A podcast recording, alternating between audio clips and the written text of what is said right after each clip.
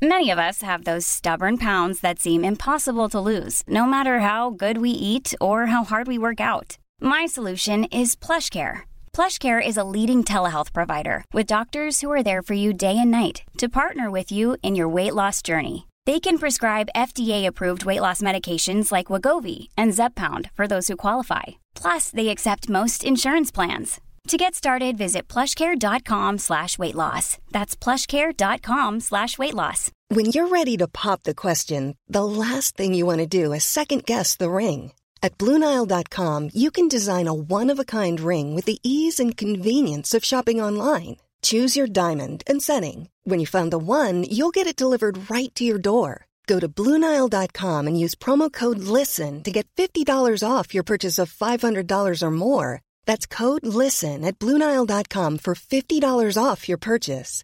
Bluenile.com code LISTEN. Wow. Nice. Yeah. What you're hearing are the sounds of people everywhere putting on Bombas socks, underwear, and t-shirts made from absurdly soft materials that feel like plush clouds. Yeah, that plush. And the best part? For every item you purchase, Bombas donates another to someone facing homelessness. Bombas. Big comfort for everyone. Go to bombas.com slash ACAST and use code ACAST for 20% off your first purchase. That's bombas.com slash ACAST. Code ACAST.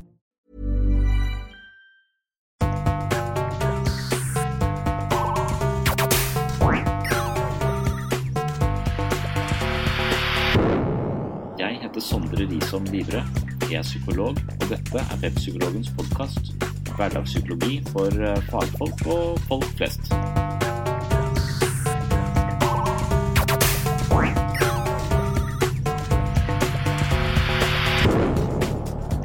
Velkommen til episode ti. I dag skal du høre et opptak hvor jeg snakker om at selvutvikling kan være vanskelig.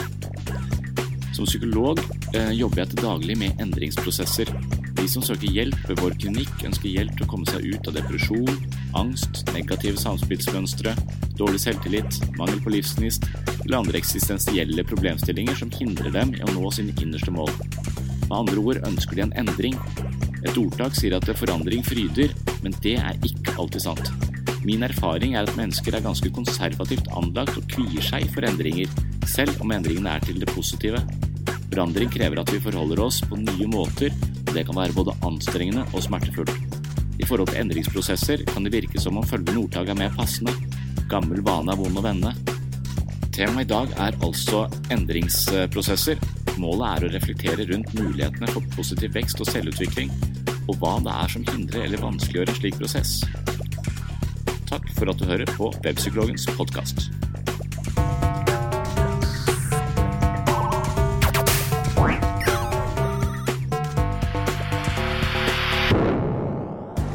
Åtte endringsfilosofiske eh, antakelser. Eh, Første antakelse.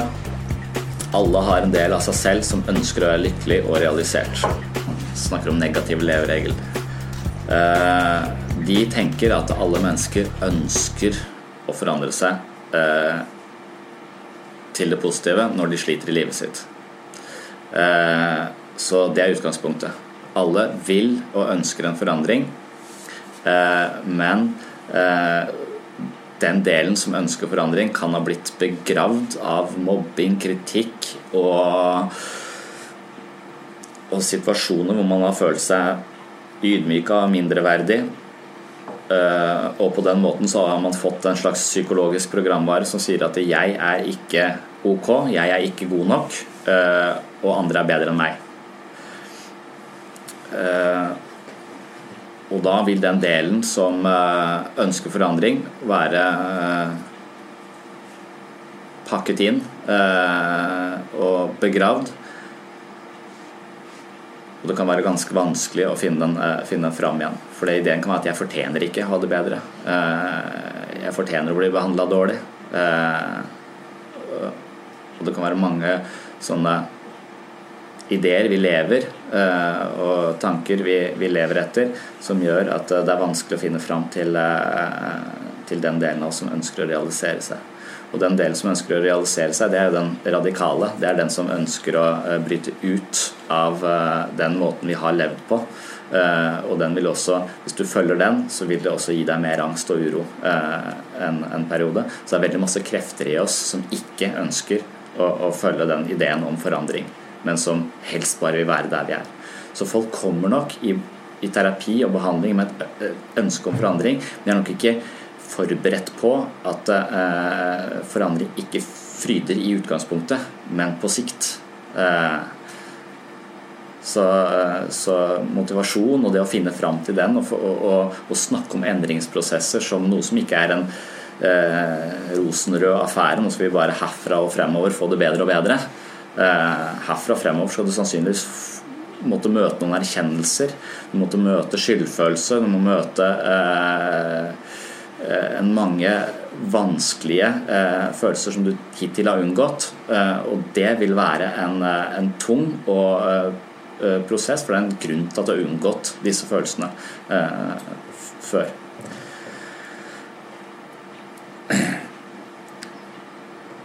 Så man vil forandre seg, men endring fører til så mange eh, vanskelige omkostninger Eh, og prisen man betaler kan virke så høy i øyeblikket at man, eh, at man unnviker det og trekker seg hele tiden eh, unna. Og Da blir det ofte en kamp mellom den som vil forandre seg, og terapeuten, som, som drar i forskjellige retninger.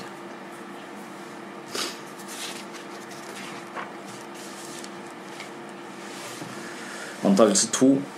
Vi har noen grunnleggende behov som ville gjort oss lykkelige dersom de blir oppfylt.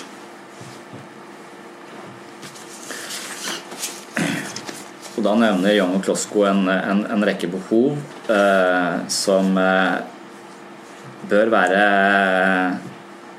dekt for at vi skal eh, leve et, eh, et, godt liv. Og Øverst står det behov for gode relasjoner til andre mennesker. Eh, vi næres i eh, det sosiale. vi vet hvem vi er gjennom andres øyne. vi mening og, og, og fylde i livet er ofte forbundet med det å, å ha fortrolige og, og, intime relasjoner til andre mennesker. Eh, mens angst og depresjon ofte eh, gjør at vi isolerer oss og trekker oss unna. Ofte fordi vi føler noe i, i, i relasjon til andre. Det er ofte der vi kan føle oss mindreverdige eller dårlige osv. Fordi at vi har disse mentale modellene som, ikke, eh, som lurer oss til å tenke at vi, er, eh, at vi ikke er gode nok. Eh, men, eh, mens dypest sett så vil de fleste eh, trives best eh, hvis de har gode relasjoner til andre mennesker, kan føle seg trygg, dele ting. Det å, å, å, ha et sted hvor man kan snakke om følelser, få følelser ut i en fortrolig relasjon, er kurativt. Hver gang vi ikke får snakket om følelser, så blir det til spenninger inni oss, og de kan bli til symptomer. Eh, så det, så det, sosiale og det relasjonelle er veldig viktig, et veldig viktig behov hos eh, mennesker. Vi er sosiale dyr. Behov for eh, uavhengighet og autonomi er viktig for oss. Det handler om selvfølelse. Hvis vi hele tiden har blitt kritisert eller hele tiden har fått en idé om at vi ikke er gode nok, så vil det gå utover selvfølelsen vår, og vi vil tenke at vi egentlig ikke mestrer livet noe som gjør oss, eh, ofte gjør oss avhengig av andre mennesker. Vi henger oss på folk som vi tenker mestrer eh, livet, og, blir, og, gjør oss avhengig av andre. Det å være i en avhengig posisjon er en, uh, det kan være trygt og godt, for denne andre personen sørger for at, at vi mestrer livet. Men samtidig så vil avhengighet være utrolig utilfredsstillende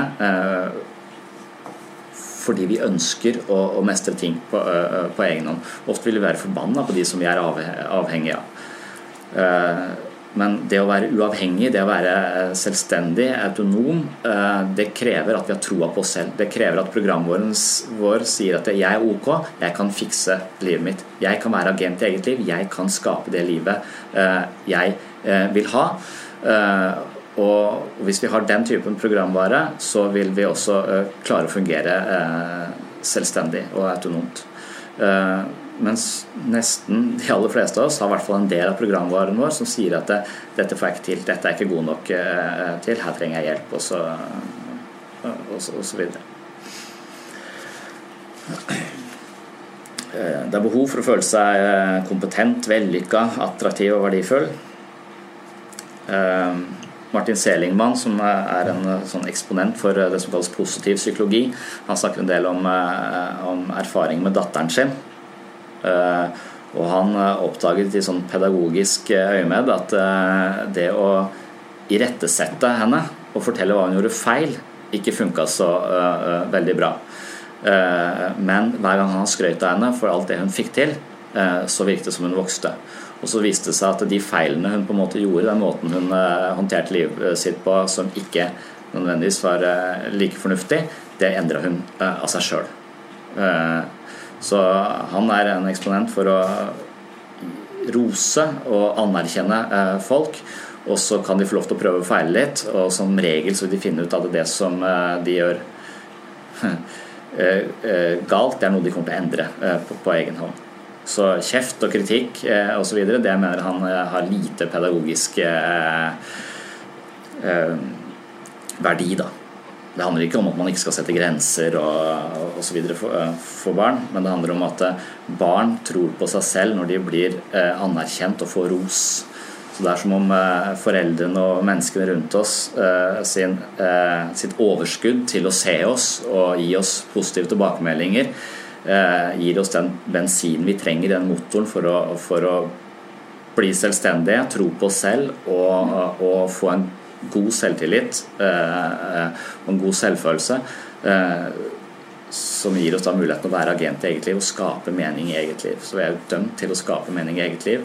Men det betinger at vi har troa på, eh, på oss selv. Og den troa den får vi når andre har troa på oss. Å få tro på seg selv er ikke noe som faller ned i hodet eh, på oss. Det er ofte noe vi trenger eh, eh, å ha hørt fra, fra ung alder. Når vi ikke har hørt det, så er det at vi får denne programvaren som forteller oss at vi ikke er gode nok. Og da er jobben å installere ny programvare. Og Da er vi nødt til å rose oss selv, da er vi nødt til å trene på å, akseptere oss selv og være fornøyd med oss selv. Og, og, å avsløre de stemmene som hele tiden påvirker oss og har kritisert oss.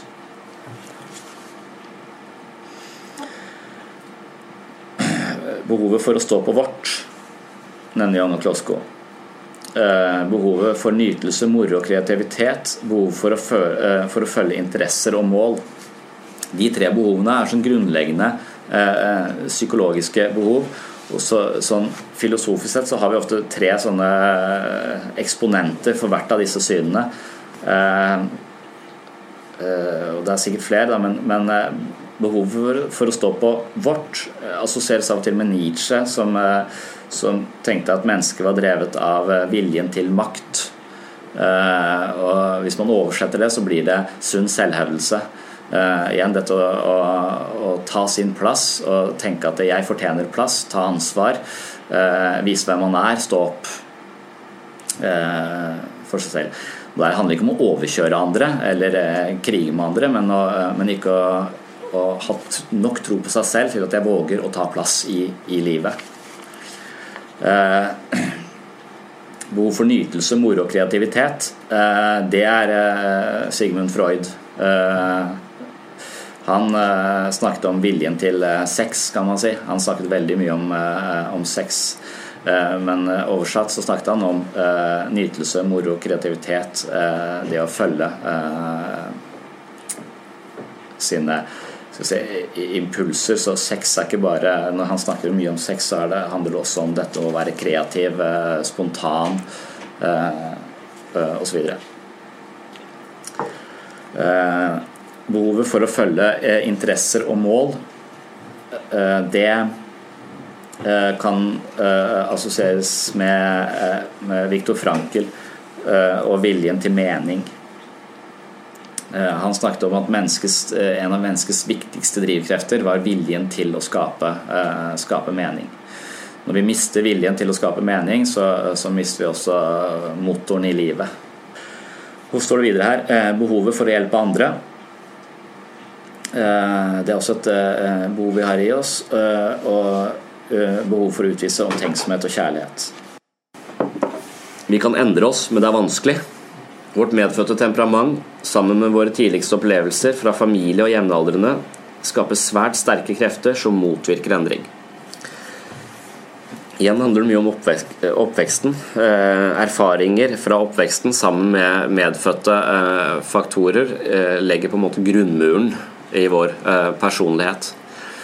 Og Det Young og Klosko uh, sier, er at vi kan alltid endre oss. Vi kan alltid skape forandringer, men det er vanskelig. Uh, og Det er litt annerledes enn det man har sagt før. For ma mange har tenkt at person personligheten vår den er helt fast. Den er helt uh, den etableres i tidlig alder.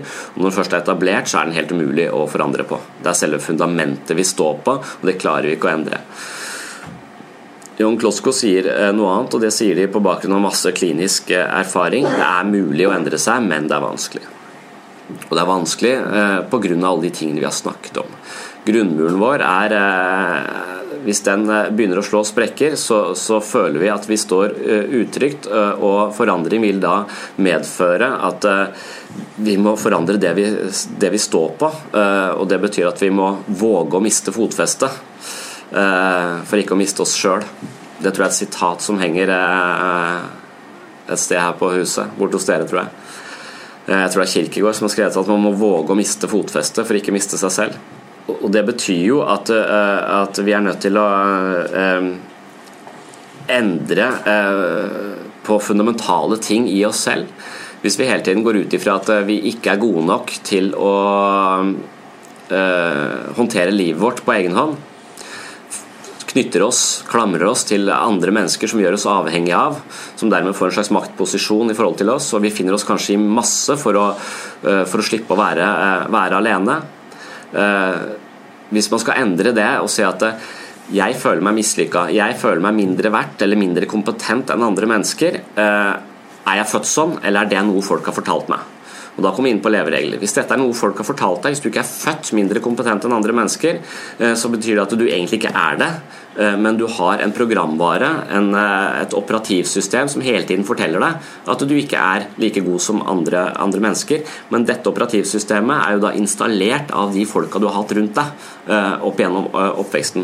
Så det er ikke en sannhet, det er noe folk har fortalt deg, eller erfaringer du har gjort deg i relasjon til andre mennesker, som kanskje har hatt behov for å være bedre enn deg, Eh, og dermed satt deg eh, ned til fordel for, egen, eh, for sitt eget ego. Og På den måten må du begynne å analysere dette operativsystemet og, og se at hvis dette bare er tanker, automatiske tanker som kommer inn, og hver gang det kommer inn en tanke om at jeg ikke er ikke er god nok, så trekker jeg meg unna. og Jeg tar aldri utfordringer. og Jeg fortsetter, jeg, på en måte, jeg, jeg møter aldri de situasjonene som kunne ført til vekst og utvikling i mitt liv, fordi jeg på forhånd tenker at jeg ikke kommer til å få det til. Eh, og Det er en totalt låst eh, eh, posisjon. og Forandring her er da å gå imot det. Men for å gå imot det, så må du gå imot alt du har tenkt om deg sjøl. Du må gå, imot selve grunnmuren i, din egen personlighet. Jeg er jo ikke kompetent nok til å få til dette. Dette er ingen sannhet, dette er en sannhet du har gjort til sannhet fordi du har levd som om du ikke er god nok hele livet. Det du er nødt til nå, er å gjøre det motsatte.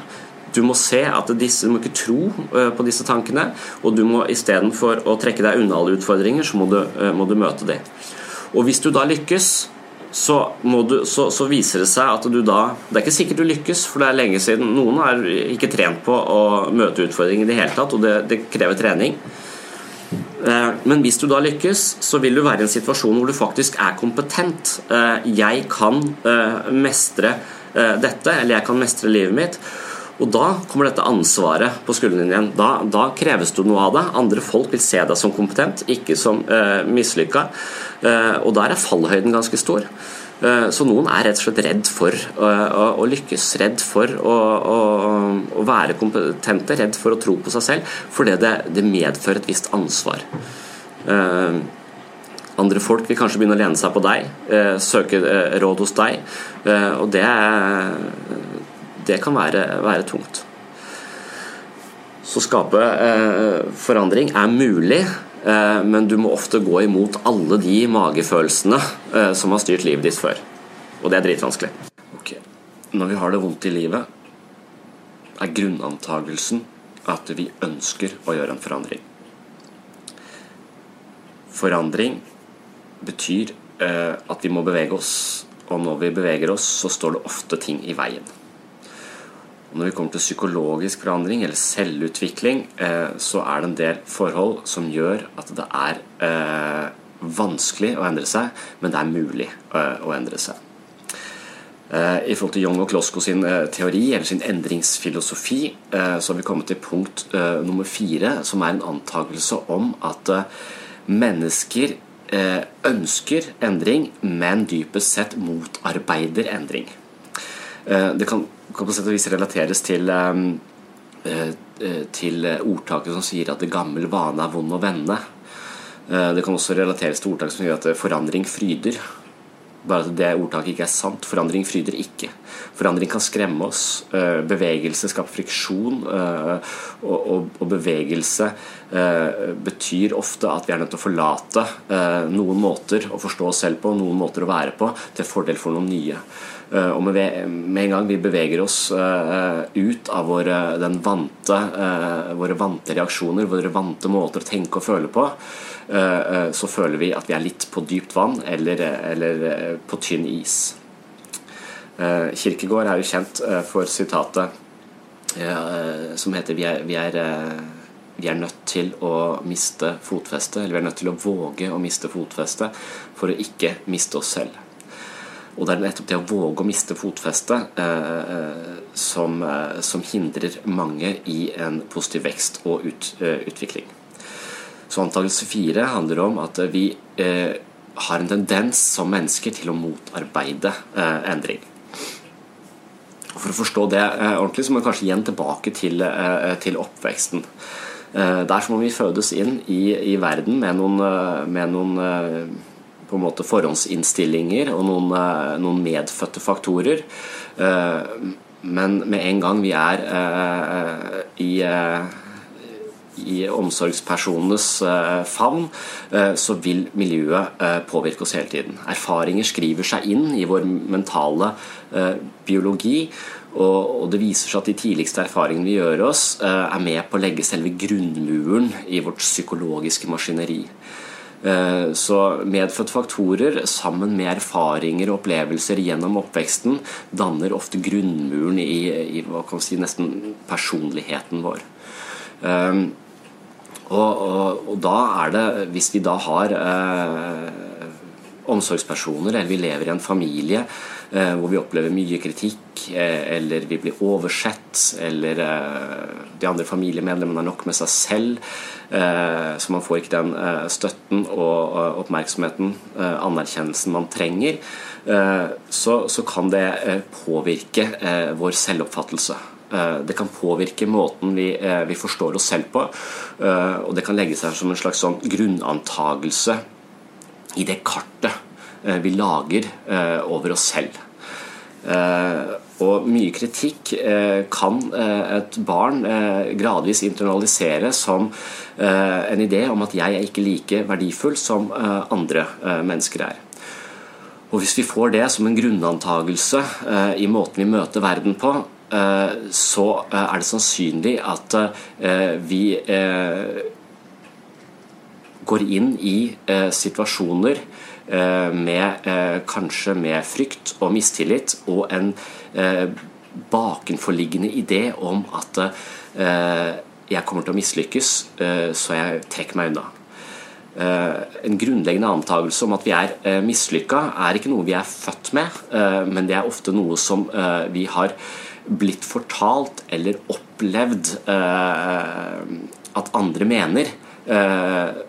Og, og, dermed så har det blitt en del av måten vi, eh, vi orienterer oss eh, i forhold til eh, vår egen indre verden. Og Når du da møter situasjonen med en antakelse om at jeg kommer til å mislykkes, og da trekker deg unna istedenfor å ta de utfordringene som kanskje kunne ført til vekst og utvikling, så, så blir denne ideen en slags selvoppfyllende profeti. Ideen om at jeg er ikke god nok, jeg mestrer ikke tilværelsen på god nok måte, blir en virkelighet fordi vi unngår utfordringer. Og, og, og da er det dette med endring. Hvordan skal vi endre dette? Først og fremst så må man jo da være oppmerksom på at alle de tankene og, og følelsene som oppstår i vårt indre verden, lever vi ofte for tett på. Vi lever ofte i pakt med disse ideene, og, og vår selvforståelse eller vår identitet eller måte å forstå oss selv på, den, vi, den, har vi ofte et lite reflektert forhold til. Eh, men vi tenker at det som dukker opp eh, inni oss, er sannheten. Uh, og, og, Av og til så vil det Young og Klosko kaller for negative leveregler, altså negative mønster som starter i barndommen og får gjenklang utover hele livsforløpet. Uh, de, de, levereglene, disse negative uh, operativsystemene som vi, som vi, lever livet vårt på, de, de, er ikke noe vi er spesielt bevisst, men de ligger som en slags um, som en slags stilltiende fornemmelse uh, dypt i vårt uh, psykologiske bokholderi, kan man, kan man si. Og de styrer, disse levereglene styrer både måten vi tenker, føler og handler på. Eh, så første skritt på veien er å bli oppmerksom på eh, at eh, vi har automatiske tanker, automatiske mønster som hele tiden tar oss i bestemte retninger, og som kanskje hindrer oss i vekst og utvikling. Og, når du har oppdaget det Det er veldig få mennesker som på en måte er født eh, mislykka. Det er å mislykke og føle seg mislykka eller oppleve at man alltid er Eller at man ikke er like god som andre, er, har som regel veldig mye med eh, miljø å gjøre. Uh, og de erfaringene vi har med andre mennesker, og hvordan de har uh, sett på oss og behandla oss. Og spesielt da viktige omsorgspersoner uh, fra tidlig alder. og når vi da er, ser det, at det er ikke kjernen i meg som er mislykka, men det er ideen jeg har om meg selv, så går det an å skape en distanse mellom disse ideene og den du er som person. Og Det betyr at nå ser du at du har et, eh, et mønster, og du lever etter noen antagelser eh, som eh, ikke nødvendigvis er korrekte. Eh, og deretter er den vanskelige jobben å skape endring. Istedenfor å automatisk trekke deg unna situasjoner som uh, kunne sørget for at du utviklet deg i, uh, på forskjellige områder, så må du være oppmerksom på at nå trekker jeg meg automatisk unna, men uh, denne antagelsen forkrøpler egentlig min selvforståelse, og jeg bør gjøre det motsatte. Og når du gjør det da, så, og går inn i en situasjon og utfordrer deg selv fordi du har avslørt disse negative mønstrene, Eh, så er det forbundet med mer angst. Man føler seg usikker, eh, man, gjør, eh, man går ut av sine vante mønstre, og man er på, på nytt territorium, nytt terreng. Og da er det veldig lett å, å, å si at 'nei, det gikk ikke', og forte seg tilbake til de gamle, gamle mønstrene. Og dette er en hovedutfordringen hovedutfordring i selvutvikling, er å stå i det. Selv om vi mislykkes da, prøv på nytt, prøv på nytt. Og så til slutt så kan det være du opplever å lykkes. Eh, og når man lykkes eh, i, livet, så er det også forbundet med en viss form for angst. Eh, dersom man hele tiden har sett seg selv som den som ikke klarer seg på egen hånd, men må klamre seg til andre personer for å, for å klare seg i livet. De som føler seg som et barn i en voksenverden og ikke, ikke, våger å ta ansvar for, for viktige avgjørelser i livet de kan få uh, ganske store utfordringer når de ser at 'jeg klarer det', 'jeg lykkes', 'jeg mestrer livet mitt'. Uh, og da vil folk komme til å forvente ting av oss. Uh, folk vil se på oss som kompetente, og vil begynne å se på oss selv som kompetente, noe som er forbundet med mer ansvar. Og det ansvaret er kanskje kunsten å være voksen, det er å, å kunne bære det, det ansvaret på sine skuldre. Det er tungt, det kan virke tungt, i hvert fall i en overgangsperiode. Uh, og, det er denne overgangsperioden uh, hvor det er uh, sannsynlig at vi veldig ofte trekker oss tilbake til de gamle mønstrene og fortsetter å leve på den måten som ikke gjør at vi når våre innerste, innerste ønsker eller klarer å realisere oss selv på en, på en tilfredsstillende måte. Så Poenget med at vi motarbeider endring, eller at mennesket har en tendens til å motarbeide endring, eh, handler om at vi går på autopilot, eh, mange av oss. Vi gjentar vaner for tenkning, følelser og relasjoner, og gjør det vi tidligere har gjort i livene våre. Eh, endring krever da at vi gjør en målrettet og bevisst valg om å skape grunnleggende forandringer. Vi er dømt eh, til å gjenta fortidens tabber eh, og arven fra foreldre og besteforeldre hvis vi ikke gjør en overlagt og varig innsats for å endre på dette. Og Da kan det hende at man, at man som person har vokst opp i et uh, miljø, i en familie, som har en justis på at vi snakker veldig lite om følelser. Uh, følelser, uh, eller emosjoner Emosjon betyr bevegelse. Følelser skaper bølger på vårt indre landskap. det skaper kaos, det er utrygt, og, og, og, det skaper friksjon, og, og det kan være, kan være, vondt. Så hvis vi prøver å holde følelser unna livet på best mulig, best mulig måte hvis man vokser opp i et familiesystem som har lite språk på følelser, og som unnviker emosjonelle vanskeligheter, eh, så, så, blir man gjerne en del av dette mønsteret. Man, man, inkorporeres i familien, man blir en del av sin egen familie og en del av det eh, mønsteret og en del av den kulturen man har i forhold til å snakke om eller være åpen eh, og uttrykke følelser. Um, og, og, det kan hemme oss. Uh, det, det, kan bety at, at vi eh, har mange eh, følelsesmessige problemer i oss som, som etter hvert ikke finner noen, noe uttrykk. Og følelser som ikke får noe uttrykk, som ikke klarer å, å dele med noen eller, eller snakke om i en, i en åpen dialog med andre mennesker, Eh, de blir ofte til eh, smerte. De blir til indre smerte, og de kan gi seg utslag i kroppslig smerte, i fysisk smerte. Menn har ofte litt problemer med å snakke om følelser. De får vondt i ryggen, blir utbrente. Uh, angst er jo uh, på sett og vis følelse, frykt uten ansikt. Uh, man er redd selv om situasjonen ikke egentlig er noen, fylt med noen åpenbare trusler. Og, og, og det, å, det, å, da klare å Eh, å uttrykke disse følelsene er en, sentral del av psykisk sunnhet. Når kulturen vår uh, ikke har noen, uh, noen når, de ikke har noe, når de ikke pleier å, å, gjøre det på den måten, de pleier å holde følelser for seg selv, holde de på innsiden, så skaper det psykiske spenninger i oss. Og, og, så, og som mennesker så kan det være at vi lever opp i en sånn familie og merker at dette fungerer ikke godt nok for meg. Jeg er nødt til uh, å gjøre noe for det jeg opplever både depresjon, eller jeg opplever angst, eller jeg opplever symptomer, uh, og, og, jeg går uh, og oppsøker en form for selvutvikling, en form for terapi eller hjelp for dette.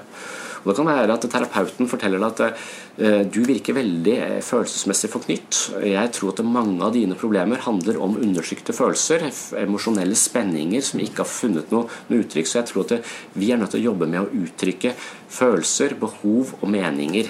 det vil være din utfordring for å skape positiv forandring i, i, i ditt liv. Og Det kan hende at personer er veldig flinke til det, at de i terapi jobber med dette. Jobber med å kikke innover, jobber med å legge merke til hva de føler uh, i forskjellige situasjoner. Sette språk på dette. Vi har, vi har til og med en egen terapeutisk retning, altså affektbevissthet, uh, som, som, går bare på dette å være bevisst sine følelser. Skape bevissthet rundt følelsene. Uh, og på den måten, når vi er bevisst følelsen, så fanges vi ikke lenger av følelsen. Eh, vi ser følelsen, vi tåler følelsen, vi kan forholde oss til følelsen eh, på en, på en mye bedre måte. Og følelser er litt som kompass i livet vårt og forteller oss eh, noe viktig om måten vi lever, lever på. Hvis vi undertrykker følelser eller ikke orker å ha noe med følelser å gjøre, så er det litt som å gå i blinde. Og, og, i terapi så, så, så, så, er dette ofte et, et hovedfokus eh, for mange, spesielt de som kommer fra veldig forknyttede familier, eller familier som ikke snakker om, om følelser. Og de kan gjøre store fremskritt i terapisituasjonen. Eh, de vil føle det sannsynligvis utrygt, de vil føle at de blir eh, dårligere, for nå har jeg begynt å føle mer. det virker skremmende, det er ubehagelig, og det å gå til gå i terapi gjør meg jo bare verre. Og det gjør det. Eh, veldig mange sier at eh, før jeg ble bedre, så ble jeg mye verre. Eh, og Det er fordi at vi skal justere oss, vi skal begynne å forholde oss til vårt indre liv på nye måter. Og da er vi nødt til å miste fotfestet. Da er vi nødt til å våge å møte den emosjonelle smerten vi tidligere har flyktet ifra. Og det er forbundet med mer angst, mer uro i en periode. eh, til vi klarer å integrere på en ny måte. Så det, det å endre seg eh, er, er, vanskelig fordi vi har motstand i oss selv mot det.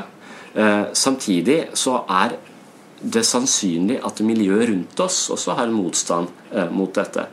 Eh, det er sannsynlig at uh, når vi kommer tilbake til familien vår uh, med denne ideen om at jeg skal uttrykke meningene mine, jeg skal, uh, skal være oppmerksom på mine behov, jeg skal, skal, skal si, gi uttrykk for hva jeg føler i forskjellige sammenhenger, kan virke um, skremmende på hele familiesystemet.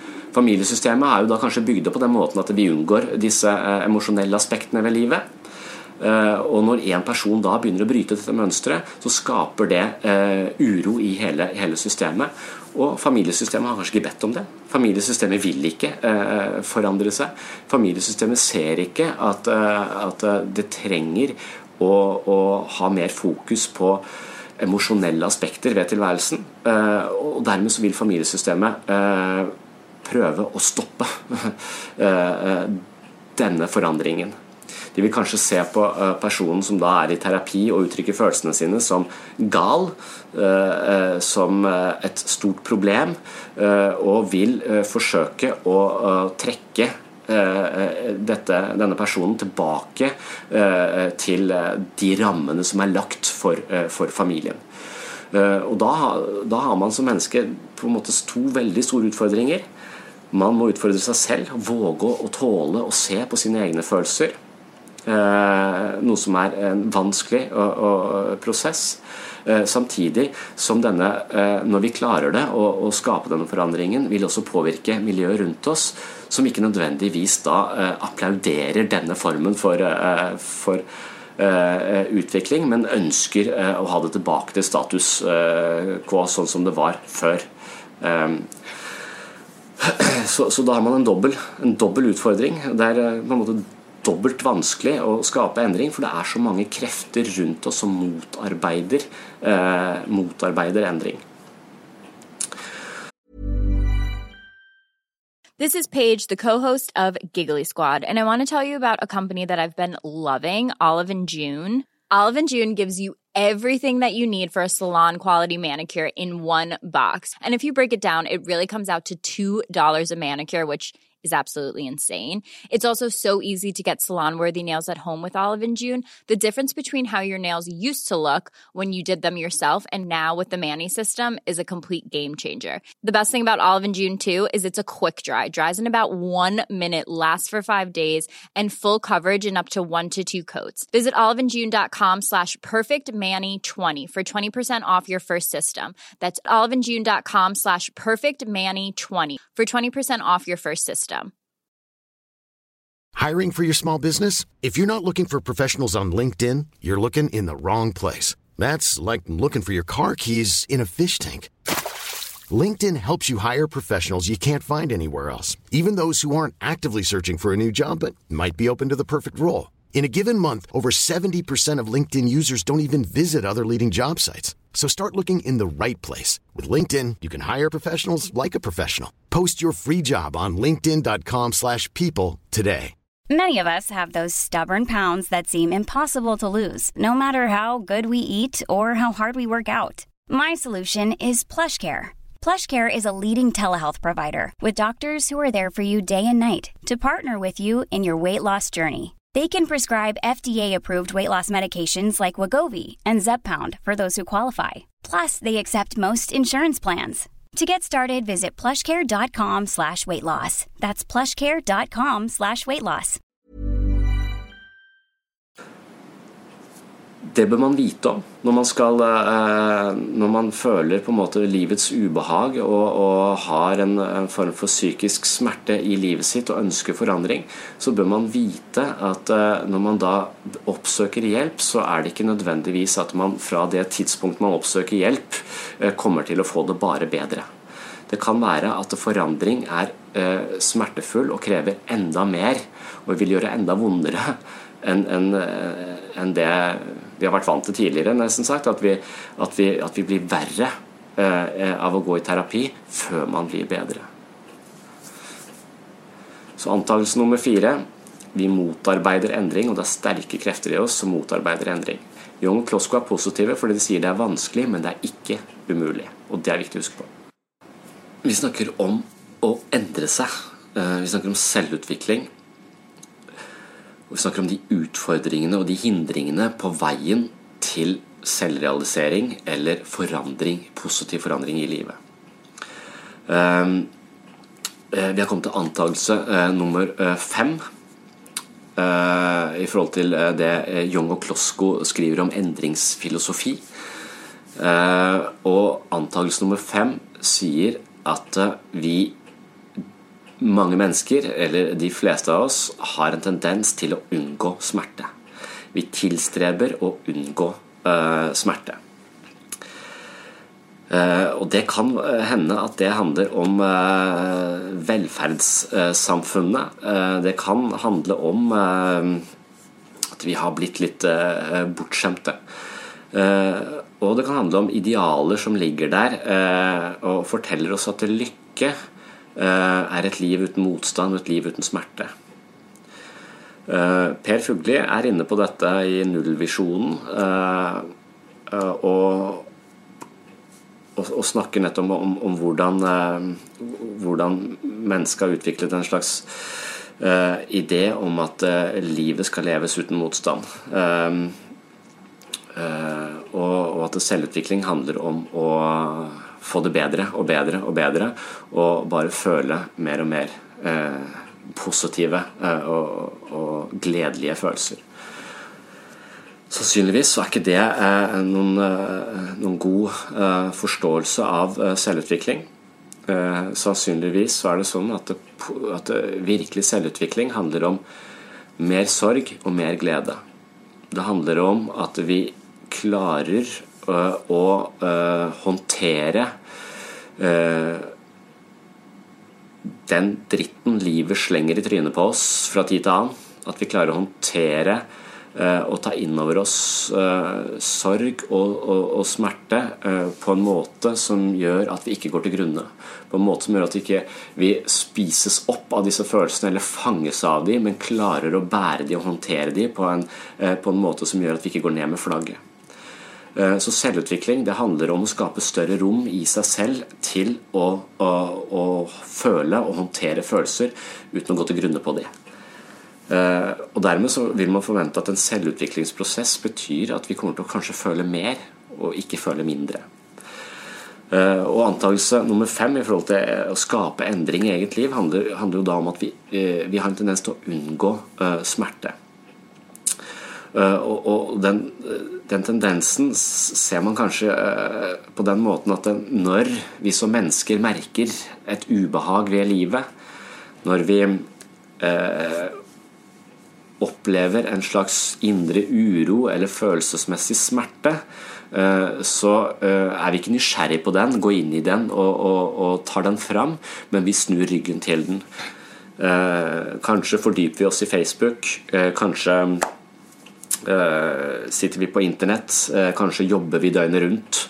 Eh, kanskje hiver vi innpå piller, alkohol eller spiser masse mat. altså Vi distraherer oss selv på en eller annen måte for å unngå den smerten som på en måte murrer et eller annet sted inni oss. Og med en gang vi, vi har følelsesmessig ubehag som vi ikke orker å erkjenne eller ta inn over oss eller se på, Eh, så er vi litt på flukt eh, fra oss selv. Og når vi flykter, så er det gjerne inn i eh, type avhengighetsskapende strategier.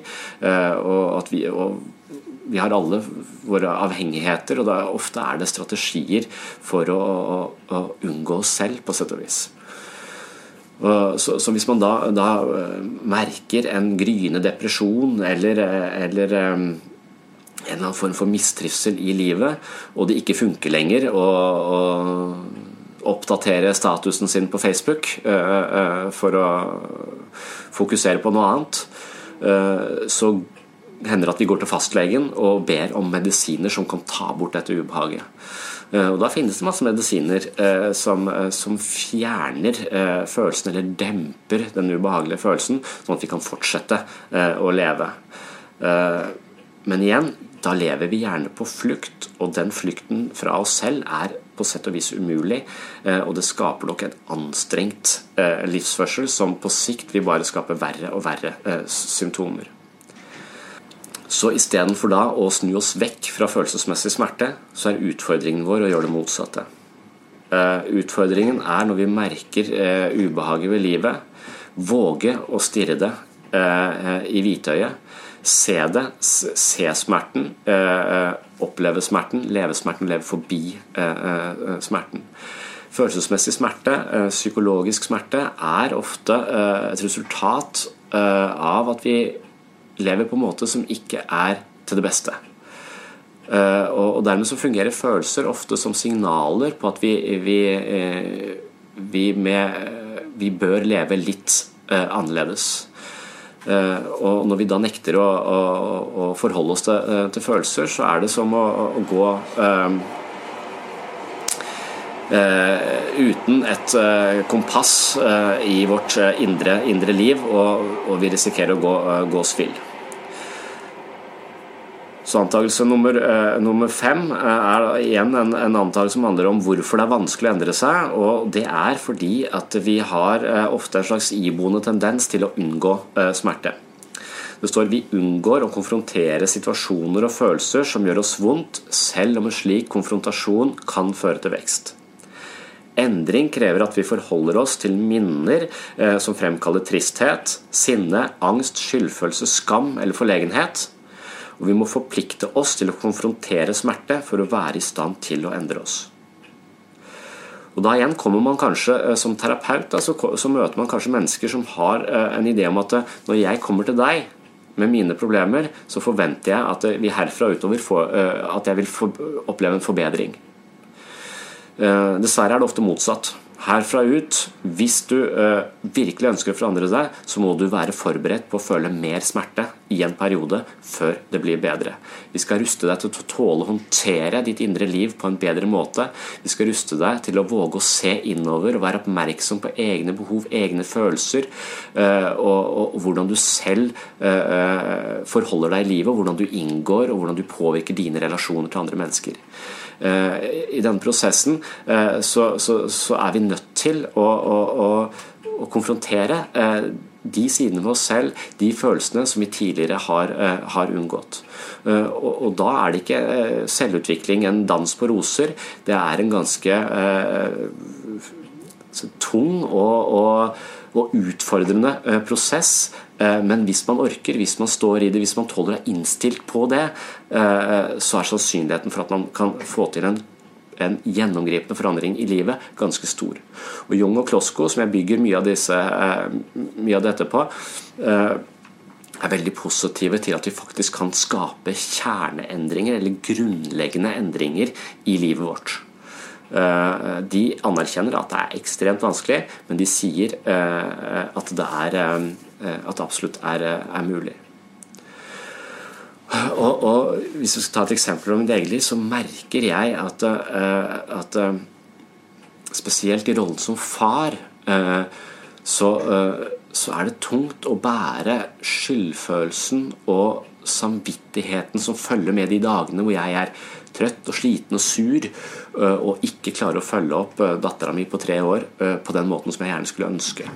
Eh, kanskje kjefter jeg i situasjoner eh, hvor det ikke passer seg. Eh, og, og det å innse at, at, man har gjort sånne feil som foreldre, det er en av de, de, de byrdene som jeg kanskje selv føler er tyngst.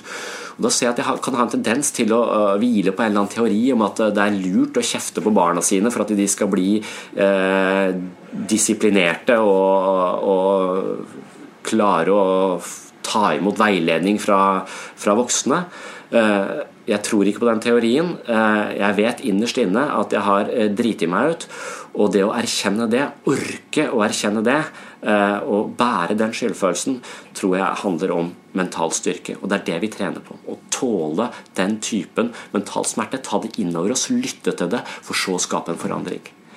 Eh, det verste man gjør i den sammenhengen, er at man tar med seg eh, at man utvikler seg selvhat og hele tiden er misfornøyd med seg selv. Eh, hvorpå det man har feilet på tidligere, skaper, eller på en måte forstyrrer eh, alle nye situasjoner, sånn at vi ikke klarer å forandre oss. At vi drukner i en slags sånn misfornøydhet med oss selv. Så det dreier seg om å akseptere, orke, tåle smerten, se smerten, akseptere den og så legge den også litt til side for å møte nye situasjoner på, med, med, lærdom av det vi har gjort feil eh, tidligere.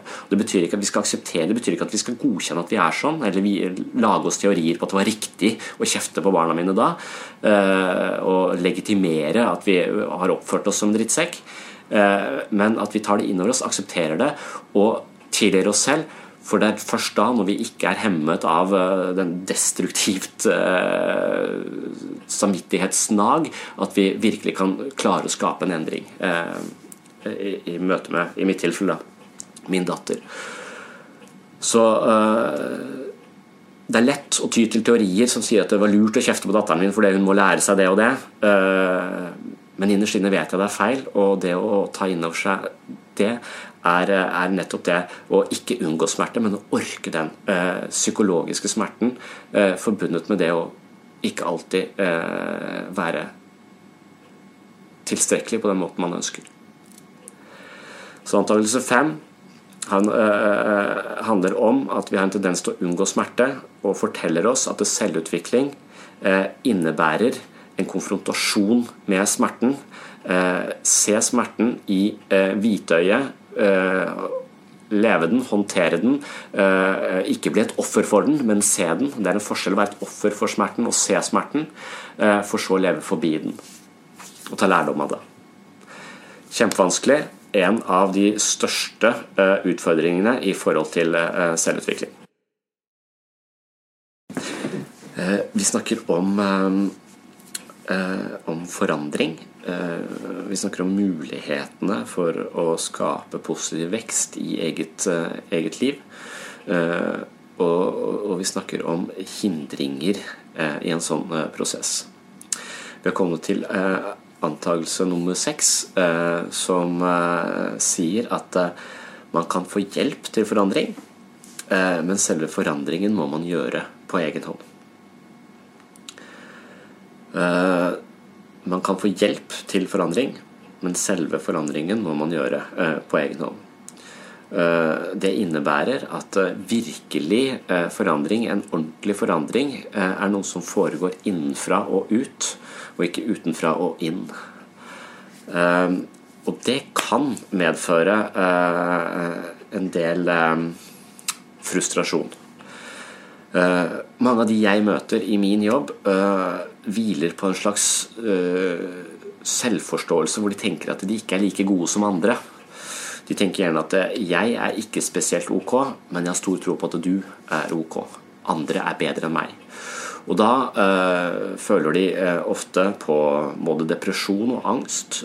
de har, kan ha problemer med å våge å si sin mening, øh, finne plass til å si sin mening, gi plass til egne behov osv. Og, og, og, og risikere på en måte å underminere seg selv, spesielt da i relasjon til, til andre mennesker.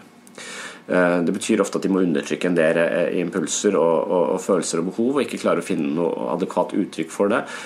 Noe som ofte er roten til, til uro og angst. Da etter hvert når vi, når vi aldri klarer å måte uttrykke frustrasjon og sånn på, på, en grei måte, så, så, bygger det seg ofte opp og blir til spenninger, psykiske spenninger. Og etter hvert kan vi bli litt redd for vårt eget indre, indre liv. Vi kan også frykte den frustrasjonen som nå har hopet seg opp, og, og opplevd den som et monster. og Man kan tenke at jeg er redd for å bli gal eller jeg er redd for å klikke. Og veldig mange symptomer handler om å kontrollere dette indre eh, følelseslivet, eller på en måte en eller annen måte unngå det. Eh, så distrahere seg selv eller hele tiden på en måte se vekk fra sitt indre, eh, indre ubehag. Og det skaper uh, symptomer og, og, ubehag i livet. Og Det er gjerne da man, uh, man, kommer til et punkt hvor man sier at jeg er nødt til å, å, å prøve å få til en forandring. Hvis man da har det vi har kalt negative leveregler, eller grunnleggende ideer om at man ikke er like verdifull eller like kompetent eller like flink eller like like verdifull som, eh, som andre, eh, andre, mennesker, og tenker at andre er bedre enn meg, så kan det hende man har den samme måte, opplevelsen eller innstillingen når man, når man f.eks. møter i terapi eller tar fatt på selvutviklingsprosjekter. Man tenker at 'jeg kan ikke skape noen forandring i, i, i mitt liv', jeg er nødt til å få hjelp utenfra. Noen må komme og hjelpe meg og, og sørge for at mitt liv kommer i hakk. Uh, og, og, Den letteste metoden er kanskje å finne en eller annen medisin som gjør at livet uh, finner en ny balanse. Uh, det funker kanskje i noen, noen sammenhenger, men, men, en virkelig forandring er ofte den vi, den vi klarer å initiere selv med en målretta og bevisst innsats over lengre tid. Eh, spesielt når det dreier seg om kjerneforandringer og forandringer av måten vi eh, forandring av selvfølelse og måten vi ser oss selv på, måten, eh, måten vi relaterer oss til andre, til andre på. Så Hvis man da kommer inn med en type lav selvtillit og, tanke om at jeg har ikke noe tro på meg selv, men jeg har stor tro på at du som terapeut kan fikse meg, så har vi et utgangspunkt som er litt, litt vanskelig fordi at det fungerer ikke på den måten. Da vil den første, uh, første del av terapien dreie seg om å, å avsløre at uh, følelsen av å være inkompetent, følelsen av å ikke mestre livet, følelsen av uh, frykt når man kjenner på ansvaret som gir det på en skulder som en voksen person, alle disse vanskelige tingene og måten vi opplever dette på, er farget av eh, kanskje vonde erfaringer fra, eh, fra fortiden. Uh, og, og, klare å se at de tankene og de følelsene som dukker opp i vår indre verden, ikke nødvendigvis forteller sannheten om den vi er, men ofte er uh, på en måte korrupte uh, forståelser av oss selv, initiert av mennesker vi hadde kontakt med tidligere i livet, som ikke oppførte seg på en ordentlig måte, som kritiserte oss, mobba oss, lo av oss, eller, eller fikk oss til å føle oss mindreverdige. Og, og deretter eh, vise eh, på en måte Hjelpe til å skape en forståelse for at man kan være agent i eget liv. Du har muligheten til å innta rollen som komponist eller forfatter av ditt eget liv. Eh, eh, du er ikke et, eh, et, offer, nødvendigvis et offer for livets omstendigheter, selv om det ofte føles, føles sånn. Så er det muligheter for hele tiden å, å, å forsere hinder og, og skape, skape, forandring i eget liv. Men det er noe man må gjøre. Det er noe som kommer innenfra og ut, ikke noe som kommer utenfra og inn. Eh, medisiner er ofte bare en midlertidig løsning som kanskje eh, demper en del av den indre eh, ubehaget eller depresjonen, sånn at vi, vi kommer opp på et nivå hvor vi, hvor vi, ser dette vinduet på hva som er mulig, og deretter kan begynne å jobbe med den den egentlige forandringen i oss selv eh, med støtte av medisiner. Men å ha medisiner eller, eh, som, som, den eneste intervensjonen er eh, kanskje i noen sammenhenger ok, men veldig ofte bare som et supplement til, til en, en, terapeutisk og en, litt mer en, en, selvutviklingsprosess hvor man selv er nødt til å gjøre hoved, hovedjobben. Um, jeg, jeg husker i den forbindelse jeg, jeg skrev en artikkel om, uh, om, um, om qigong. og Jeg er ikke i utgangspunktet noen sånn veldig stor tilhenger av, av, alle verdens alternative behandlingsformer, men det viste seg at qigong ble brukt av Nav og kommunene og hadde en veldig veldig god effekt i forhold til å få folk med psykiske problemer tilbake til, til jobb. og jeg tror at Qigong handler jo om bevegelse, og det er bevegelse som, som disse menneskene gjorde på egen hånd. De var selv på en måte arrangøren av å, å, å bevege seg på denne måten. Og, og de, de, gjorde en aktiv egeninnsats for å skape forandringer i eget liv. Og, og jeg tror bare dette faktum at de, det var de som gjorde bevegelsene. Eh, det var de som følte at jeg kan gjøre ting for å skape forandring i mitt liv. Det er den eh, erkjennelsen og den, den, følelsen av mestring som, eh, som er veldig kurativ i forhold til qigong. Og qigong har sikkert også sine kurative elementer i selve teknikkene.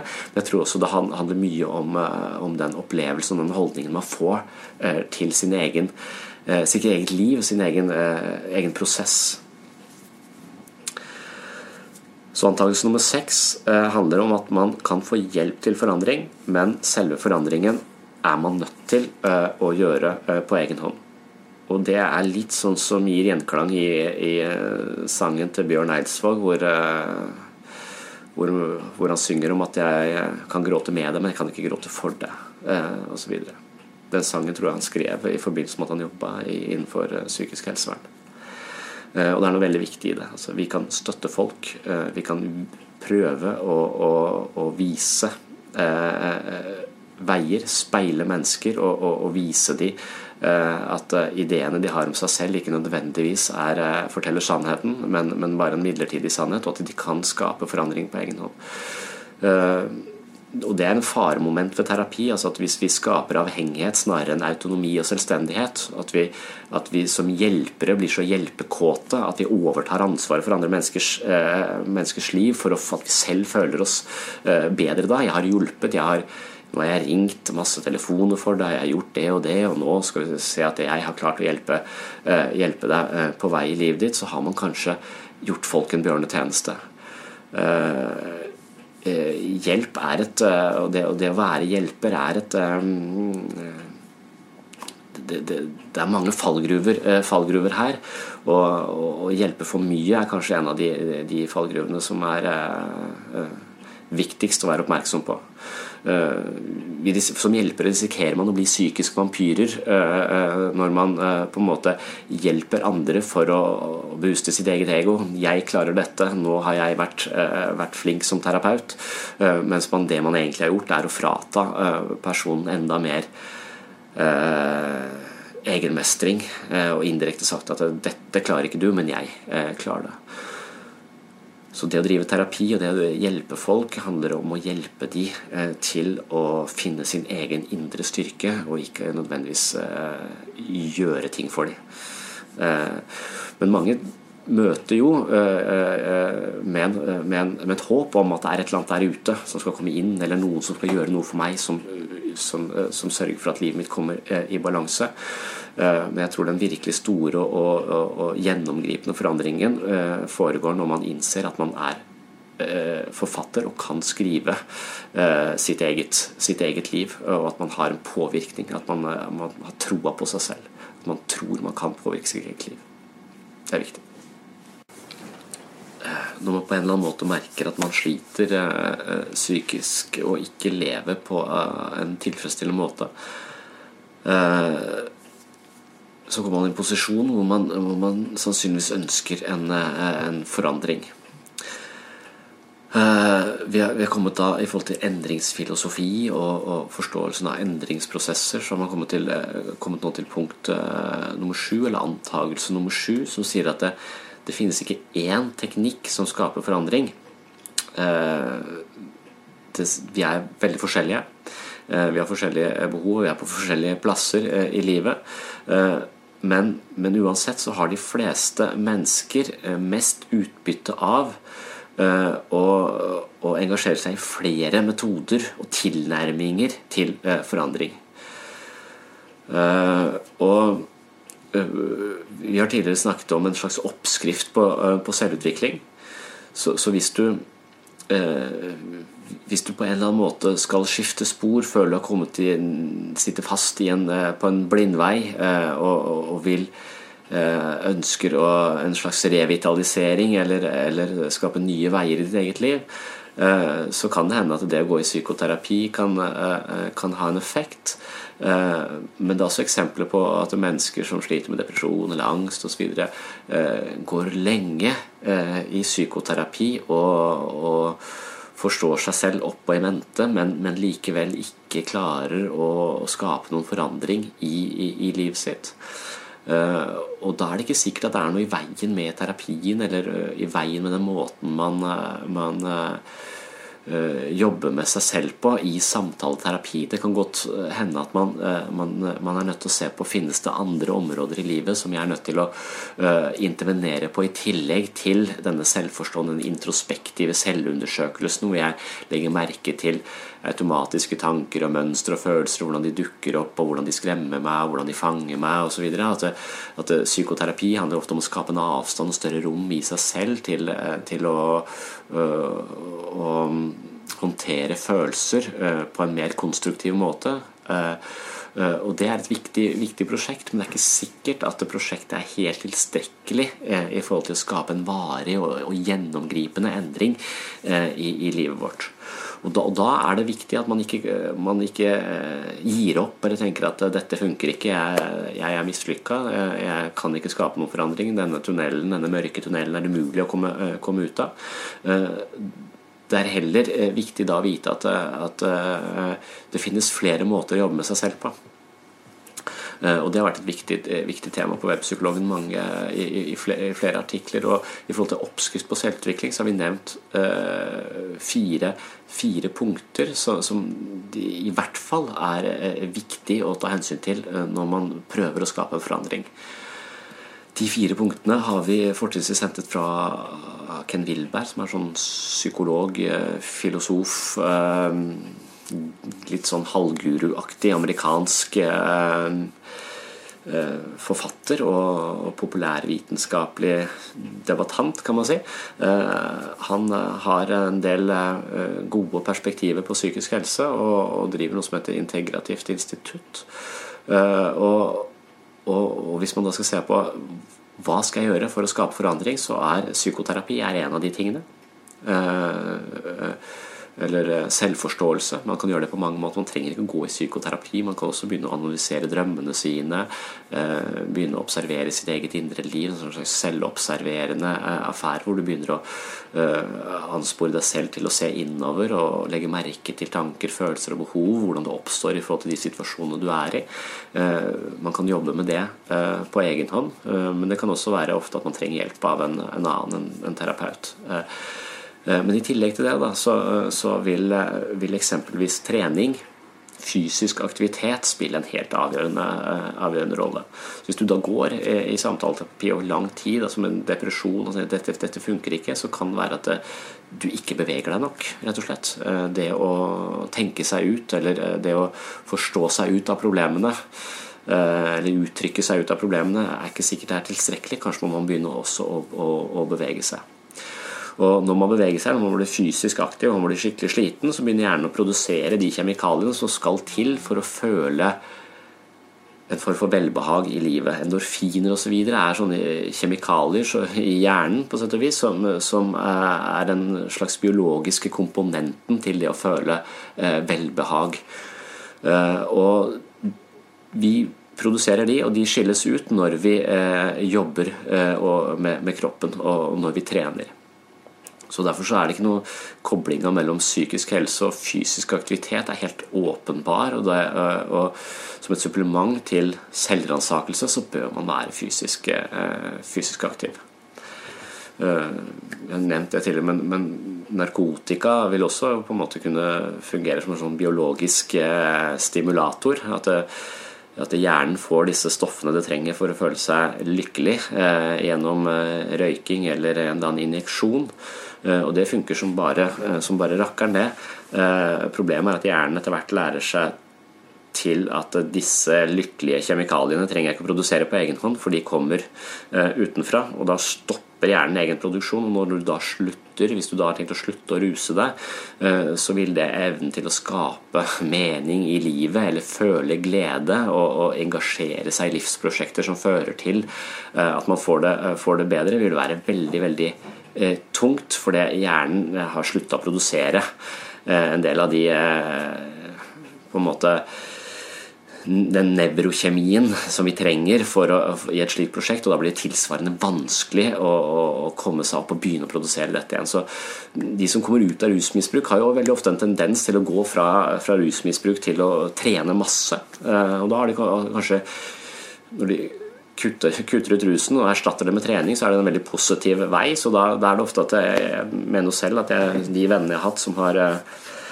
har slitt med, med rusproblemer, um, har, og de som da har kommet ut av det, har eh, ofte blitt treningsnarkomane. De sykler fram og tilbake til, til Hovden. Og jeg tror nok det er med på at de da får opparbeida seg en del av de Eh, indre kjemikaliene som sørger for at livet kommer i en eh, bedre balanse. Og Da kan det hende at vi trener ganske mye ganske lenge, for så at det stabiliserer seg. Så man fra narkotika til trening til en stabil fase igjen. Da er det selvfølgelig langt bedre å sykle til Hovden enn å, enn å, enn å ruse seg. Men forholdet mellom fysisk aktivitet hvert fall, og, og, psykisk helse er helt åpenbar, og et helt avgjørende supplement til f.eks. psykoterapi. Eh, psykoterapi, trening, tredje tingen eh, vi har nevnt eh, i denne en slags oppskrift på selvutvikling, handler om meditasjon. Og meditasjon kan på sett og vis nærmest fungere som en slags smøring av vårt mentale maskineri. Mens psykoterapi handler om å sette språk på sitt indre liv, eh, handler meditasjon mye mer om å bare observere sitt indre liv uten å ta stilling eh, til de tankene og følelsene som dukker opp i bevisstheten vår. Det handler ofte om å hvile i et slags vitne til oss selv og finne en slags sinnsro eh, i en observatørrolle til oss selv være. Og jeg tror også både meditasjon og psykoterapi har har eh, en eh, veldig veldig positiv effekt, og effekten er litt lik. Altså, eh, man ser jo en del nyere forskning på, hjernen og, og, sånn viser at det, det, er ofte prefrontal cortex og de øvre delene av hjernen som utvikler seg når vi mediterer og når vi går i vellykka psykoterapi. Og jeg tror det handler om at vi øker eh, distansen i oss selv, eller rommet i oss selv, til å håndtere følelser uten å fanges av uh, følelser. I psykoterapi setter vi språk på det, og idet vi setter språk på eh, oss selv, så står vi utenfor oss selv og beskriver oss selv. Da skaper vi dette rommet vi trenger for å håndtere eh, livet vårt på en litt bedre, eh, på, på en litt annen måte. Det samme er det i meditasjon. Vi sitter som observatører til oss selv uten å fanges av de, det som dukker opp i eh, bevisstheten vår. Så det kalles en form for eh, Det er jo mental trening.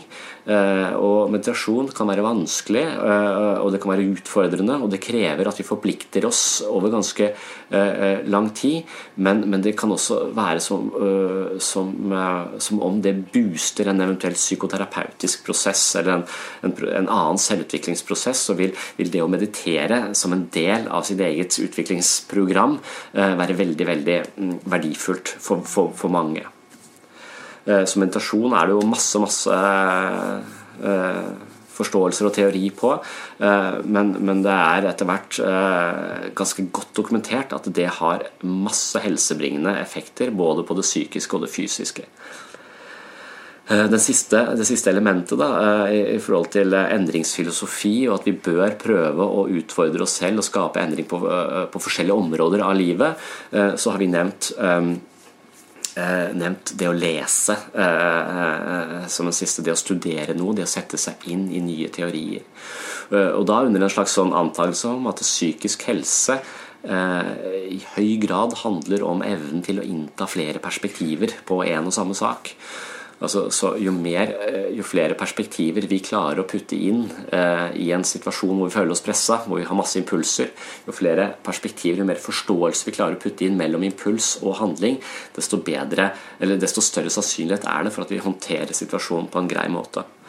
Eh, og det å lese og sette seg inn i nye ting, det er jo på, på en sett og vis å jobbe litt, uh, jobbe litt, kognitivt, men kanskje utvide horisonten sin utvide virkelighetstunnelen sin, eh, ens evne til å se ting i nye perspektiver, og ikke handle overilt eller, eh, eller hoppe til konklusjoner eh, for raskt.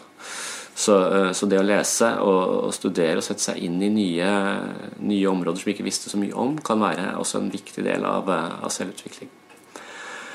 Utover det kunne man nevnt veldig mange ting. Jeg tror at uh, selvutvikling også ikke bør være en sånn uh, navlebeskuende egosentrisk affære hvor vi bare skal tenke på vår egen vekst og utvikling, men at selvutvikling også er nødt til å innebære en, en mellommenneskelig og sosial komponent. Og det å jobbe med å inngå i prosjekter som går litt utover oss selv, altså det å hjelpe andre, være til stede for andre, det å engasjere oss i i, i, verden rundt oss, eh, i, i prosjekter vi syns er positive for, eh, for eh, alles ve og vel, på sett og vis. Så jeg tror nok det, det vil være også en, en, viktig, en viktig, del å jobbe med i et, et godt selvutviklingsprogram. For selvutvikling ikke, skal, bør ikke handle om at jeg skal få det så mye bedre med meg og mitt. Det bør handle om at vi kommer i balanse i oss selv, sånn at vi har behovet ikke lenger at jeg må få noe fra andre for å føle meg venn. Jeg er et ego i underskudd som trenger andres oppmerksomhet og et eller annet for å, for å komme i balanse. Men at jeg er et ego som er i balanse, og mitt behov blir nå å gi noe til andre. Så jeg håper at prosjektet vil handle om, eller selvutvikling bør handle om, skape så mye balanse at vi får mye å gi til andre. Rausere, mer aksepterende overfor andre. Eh, og at behovet vårt blir da å, å, å stille opp og være interessert og engasjert i, i andre mennesker. Uh, en siste ting som uh, Dette vil være veldig mange ting, men, men, en siste ting jeg vil nevne, er noe kosthold. Kosthold er sannsynligvis også en veldig veldig viktig del av av livet vårt, og det spiller en veldig eh, sentral rolle i forhold til psykisk helse. Eh, og Det er også en stor stor teori på, på kosthold og ernæring. Eh, men det er også et område man bør se på hvis man f.eks. sitter i psykoterapi uke ut og uke inn for sin depresjon, men ikke opplever noen bedring. Ikke gi opp. Sjekk ut om det er andre områder du også er nødt til å intervenere på eh, for å komme dit du ønsker, eller for å komme deg ut av depresjonen, eller få bukt med angsten osv det er, det er, viktig at vi, vi, tar, vi, ser, vi anerkjenner at mennesket har mange forskjellige fasetter. Og, og, psykisk sunnhet ligger i spenningsfeltet mellom, mellom mange forskjellige typer vitenskap. Så vi har en hjerne. Det er en objektiv biologisk bit her. Det er noe fysisk her. Og det fysiske henger sammen med det psykiske.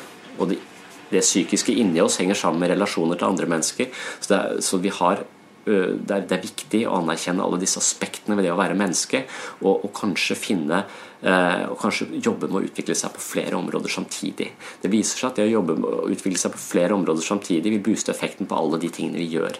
Så det, det er bedre hvis man først skal sette av litt tid til selvutvikling. Ikke bruk alt i et treningsstudio eller alt i, på en psykoterapiprosess eller alt på et meditasjonsprosjekt. Prøv å fordele litt utover det, det, et, eh, det, tror jeg er et ganske, ganske godt, eh, godt råd.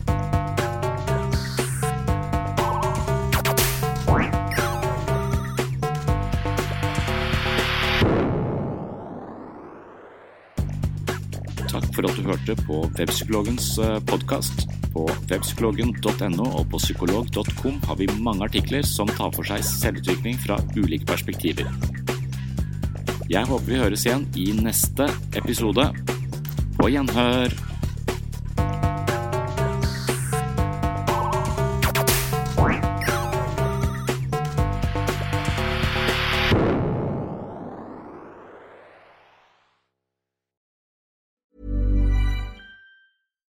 Here's a cool fact. A crocodile can't stick out its tongue. Another cool fact, you can get short-term health insurance for a month or just under a year in some states. United Healthcare short term insurance plans are designed for people who are between jobs, coming off their parents' plan, or turning a side hustle into a full time gig. Underwritten by Golden Rule Insurance Company, they offer flexible, budget friendly coverage with access to a nationwide network of doctors and hospitals. Get more cool facts about United Healthcare short term plans at uh1.com. Mom deserves the best, and there's no better place to shop for Mother's Day than Whole Foods Market. They're your destination for unbeatable savings, from premium gifts to show-stopping flowers and irresistible desserts. Start by saving 33% with Prime on all body care and candles. Then get a 15-stem bunch of tulips for just $9.99 each with Prime. Round out Mom's menu with festive rosé, irresistible berry chantilly cake, and more special treats. Come celebrate Mother's Day at Whole Foods Market. Imagine the softest sheets you've ever felt. Now imagine them getting even softer over time. That's what you'll feel with Bowl and Branch's organic cotton sheets. In a recent customer survey, 96% replied that Bowl and Branch sheets get softer with every wash. Start getting your best night's sleep in these sheets that get softer and softer for years to come. Try their sheets with a 30-night guarantee. Plus, get 15% off your first order at bowlandbranch.com. Code BUTTERY. Exclusions apply. See site for details.